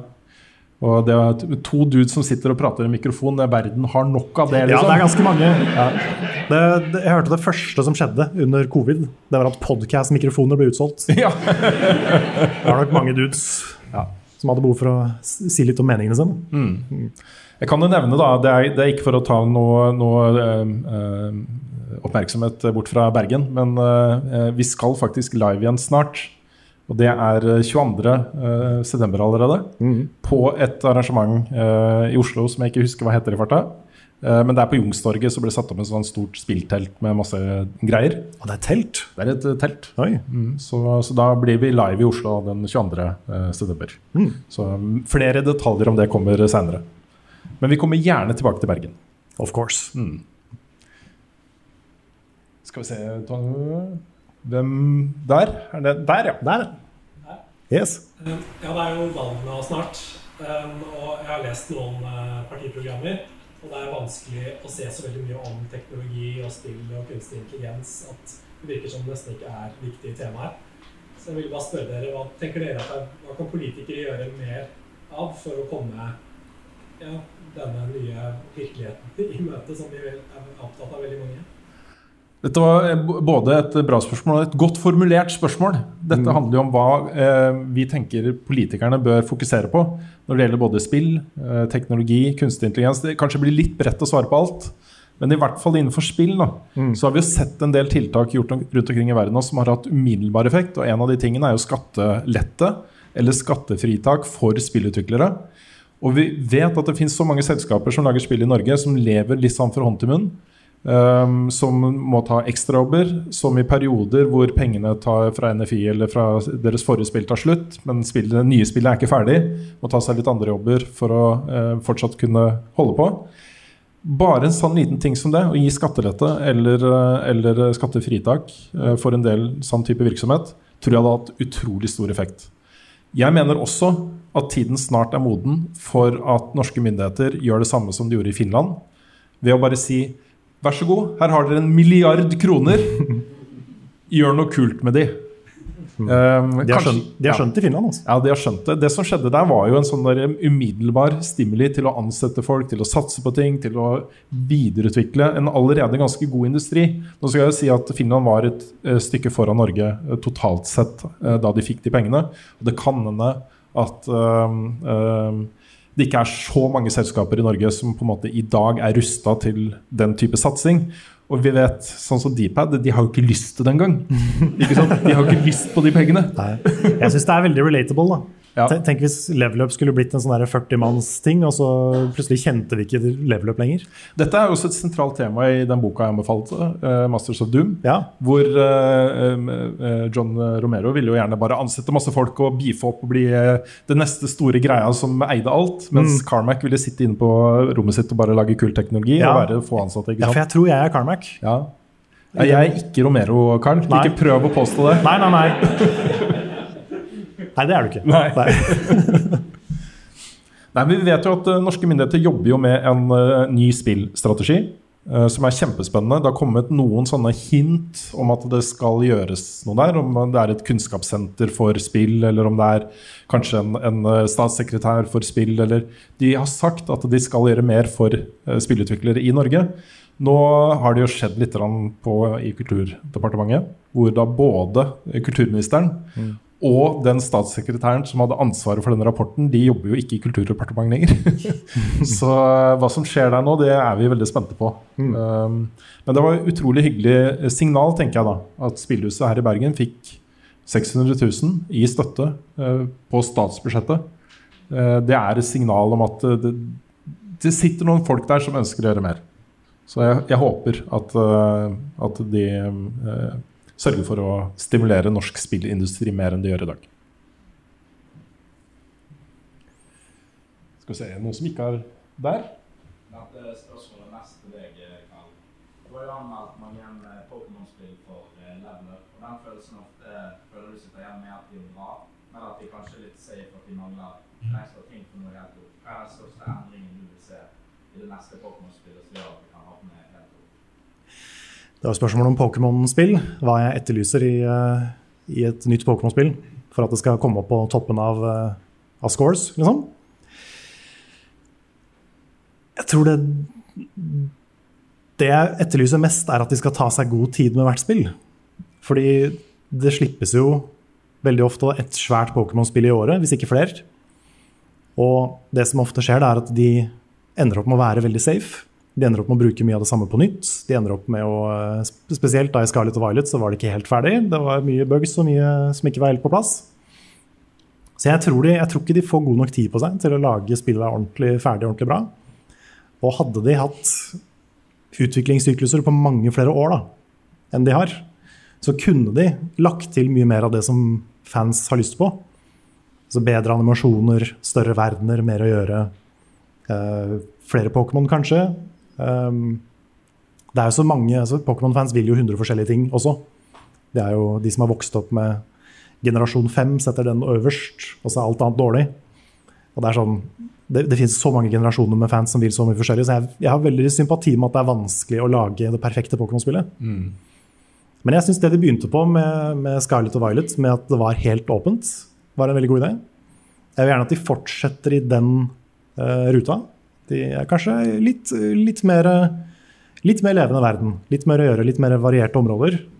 Litt flere quester som går litt mer spennende ting. Går litt mer spennende veier. Og så hadde det vært kult med litt mindre safe historiefortelling. At du liksom, du trenger kanskje ikke alltid være den ene kiden fra den ene lille byen som bare har en mamma for some reason. Og så er det åtte gym, gymmer. Det er sånn, En gang så gikk de bort fra det, og så er de tilbake til gym igjen. Så det er sånn, Jeg skulle ønske de var litt mer sånn eksperimentelle. da. At de prøvde seg på litt nye ting, fortalte litt nye Pokémon-historier. Mm. Så det er, det er først og fremst det at jeg etterlyser litt sånn nye ideer. Dette er jo, dette er jo spillmedie i et nøtteskall. Hvis du har en så vellykka uh, serie og, og greie som det Pokémon er, så eh, blir det jo et spørsmål om penger. da Når folk kjøper det, og man kan gi ut et nytt spill i året, og folk fortsatt kjøper det, så sier man jo nei til penger da hvis man ikke gir ut et nytt spill i året. Og bare kjører på. Du ser det samme med Fifa, med eh, Call of Duty og Mm. mye annet. Ja, det er noe med det når vi sier at uh, ja, men Scarlett og Violet var ikke ferdig, de må, de må få bedre tid på seg. Og så kommer nyhetssaken om at ja, Scarlett og Violet har solgt bedre enn alle andre sant? Ja. Så det er, det, er, det er en vanskelig eh, ting å overtale de med penger om. Mm. Og så blir det jo litt sånn der um, uh, comfort food Mm. for ganske mange, tror jeg. Det gjør det. Bare sette seg ned med ting man kjenner godt. Og Jeg opplever det selv nå, for nå har jeg vært så innmari stressa om dagen. Sånn superstressa og har så mye å tenke på og ting å forholde meg til. At det jeg har på en måte brukt tid for å koble av på, er å se TV-serier jeg har sett før og elska. Så jeg har sett både Game of Thrones og Dark på nytt. Vet akkurat hvordan det går, men jeg vil bare sitte og slappe av med noe som jeg vet er bra. ikke sant? Eh, Jeg tror det er litt den funksjonen den type serier også fyller, da, eh, for mange. Det er sant. Det er, eh, Frida og jeg har snakka om det. At Pokémon er liksom Hver gang det kommer et Pokémon-spill, så er det bare kos uansett. Det er sånn Vi skulle ønske det var bedre, men det er fortsatt Pokémon, liksom. Ja. Og nå sitter jeg med Pokémon Sleep, så de gjør jo, de gjør jo litt sånne rare ting også. Mm. Det setter jeg pris på. Ja, det er bra. Jeg tror vi kan ta oss tid til et par spørsmål til. Og nå har ikke jeg noe full oversikt over hvem som har hatt mest hender oppe her. Er det noen som har det? Jeg kan i hvert fall ta deg, da. Spørsmålet er om det er noen planer for duellen sesong tre. Og vi eh, Ja, det er det. Det er det. Det er det. Vi um, hadde en liten utfordring med forrige sesong. Uh, fordi det er jo den beste sesongen av duell vi har hatt. Eh, sånn, så underholdningsmessig. Vi også var store fans av den serien, og vi satt og gleda oss til hver gang Nick var ferdig med en episode. Mm. Vi hadde eh, sånne egne visninger av episodene for bare oss og, og sånt. Da, og veldig spente på hvordan alle de andre hadde gjort det. Men vi mista jo Nick et, ja, ikke et fullt et halvt år, men i mange måneder. Mm. Det var mye, mye jobb, da. Eh, og det gikk nok litt hardt utover både eh, eh, Altså, Nick hadde mye å gjøre i den perioden. Eh, men også eh, kanskje det er lurt av oss at Nick får an litt flere spill, og sånn, så vi må gjøre en del vurderinger på det. Men vi har konkrete ideer på en ny sesong, eh, og vi ønsker nok at det skal ta liksom litt kortere tid å gjøre det. Mm. At ikke det blir så massivt eh, my mye mer jobb. Da. Men jeg har lyst til å gi ordentlig honnør til Nick for de to siste sesongene av duellene han har lagd. Fordi det er altså noe av det beste innholdet som har kommet ut på vår kanal. Eh, så jeg vil jo si at alt i alt så er det verdt det. Også. For Ja, det, det er det er det. gøy å se. Det kommer til å være gøy i 100 år å se de sesongene. Det er jo vi som har gleda oss mest til de nesten, de episodene. jeg tror det. Vi, måten det funker på, da, for dere som ikke har sett duellen, så er det vi spiller inn aleine. At vi prøver på en eller annen challenge. F.eks. å runde Mario, eh, Super Mario Bros. 1 fortest mulig. Eh, og så vet vi ikke noe om hvordan de andre har gjort det. Ingenting. Nick får alle opptaka og klipper sammen en episode. Og Nick klipper som en gud. Og det blir så gøy å se på. Og vi er jo dritspente, for vi aner ikke hvordan det har gått. Så det, det er noe av det morsomste vi har gjort, syns jeg. i Det er en gave Nick har gitt til oss, andre kollegaene og vennene sine. Det er det. Mm. Tar ett siste spørsmål. Lyst, er det, hvis, hvis det er eh, Er det noen eh, Kanskje vi kan ta det fra han som står bak eh, veggen her? Helt bak? Ja.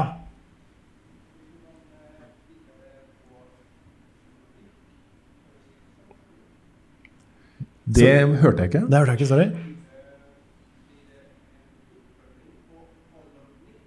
Holonic. Det, det har vi snakka om mange ganger. Ja, spørsmålet er om det blir noe hold, mer Holonic før uh, Silksong kommer ut. Det burde jo det. Ja. Eh, jeg lurer på om vi kan, Skal vi love at det kommer ut før Vikings on Trampolines? Ja, det tror jeg vi kan prøve å love. Vi kan prøve på det. Tingen er at det å sette seg ned og lage de seriene som, som dette er, da, altså Holonic og, og sånt, er jo bare forbundet med kos for oss. Um, nå har vi vært i en veldig spesiell situasjon det siste, uh, særlig siste året, uh, med veldig mye å gjøre på alle sammen. Um, og det å bare finne tid til å sette seg ned og lage den type innhold har vært vanskeligere enn før. Så vi håper på å uh, finne ut av hvordan vi kan få til flere sånne prosjekter. Da, som er For vi også elsker jo å sette oss ned i en sofa sammen og jekke en brus. brus. uh, finne fram litt smågodt. Og så spille et spill vi syns er bra sammen. Det er jo en uh, superkos ting å gjøre. Det er det. Det er sant. Mm. Og så må jo Nick spille gjennom Hollow Night før Silksong kommer. ikke sant? Ja, det må han i hvert fall. Ja. Så det, vi, må, vi må prøve på det. Jeg tror vi må si tusen takk til, eh, til Bergen. Eh, Det har vært eh, veldig veldig, veldig gøy å ha live podkast sammen med dere. Tusen takk til alle som møtte opp. Det er nesten litt sånn rørende å se så mange mennesker i, i salen. Og så er det jo sånn uansett hvor vi drar, uansett hvor vi har live-ting, så føler vi oss som en del av på en måte en spillgreie. Altså en, Ja. en liten familie. Det er, som- med, det er noe med å komme inn her og se liksom bare veggene er fulle av fanart. Ikke sant? Og det er, det er bra fanart, ikke minst. Tesla-grad forever. Jeg lurer på om det er noen fra etasjen over som har vært Ja, og- kanskje de har vært innom. Men uansett, dette er veldig, veldig gøy for oss også. Det er en uh, utrolig uh, flott ting å få være med på. Mm. Så tusen takk for oss, Bergen. Jeg vet ikke, Vi trenger kanskje ikke kjøre full uh, rulletekst. Nei, Vi kan kanskje droppe den nå. Men det er i hvert fall podkast ut i det moderne media. og låten intro med Uh, YouTube, uh, altså, ja, altså, pa Patreon. Patreon, tusen takk. Tusen takk. Tusen takk.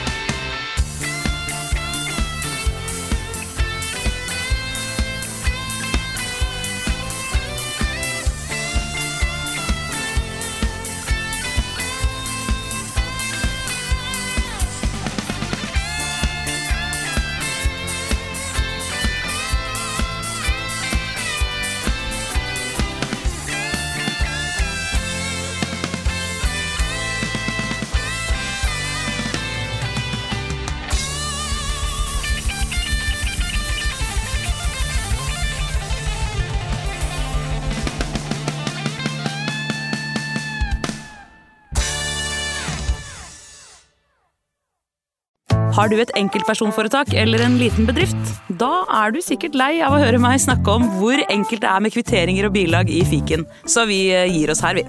Fordi vi liker enkelt. Fiken superenkelt regnskap.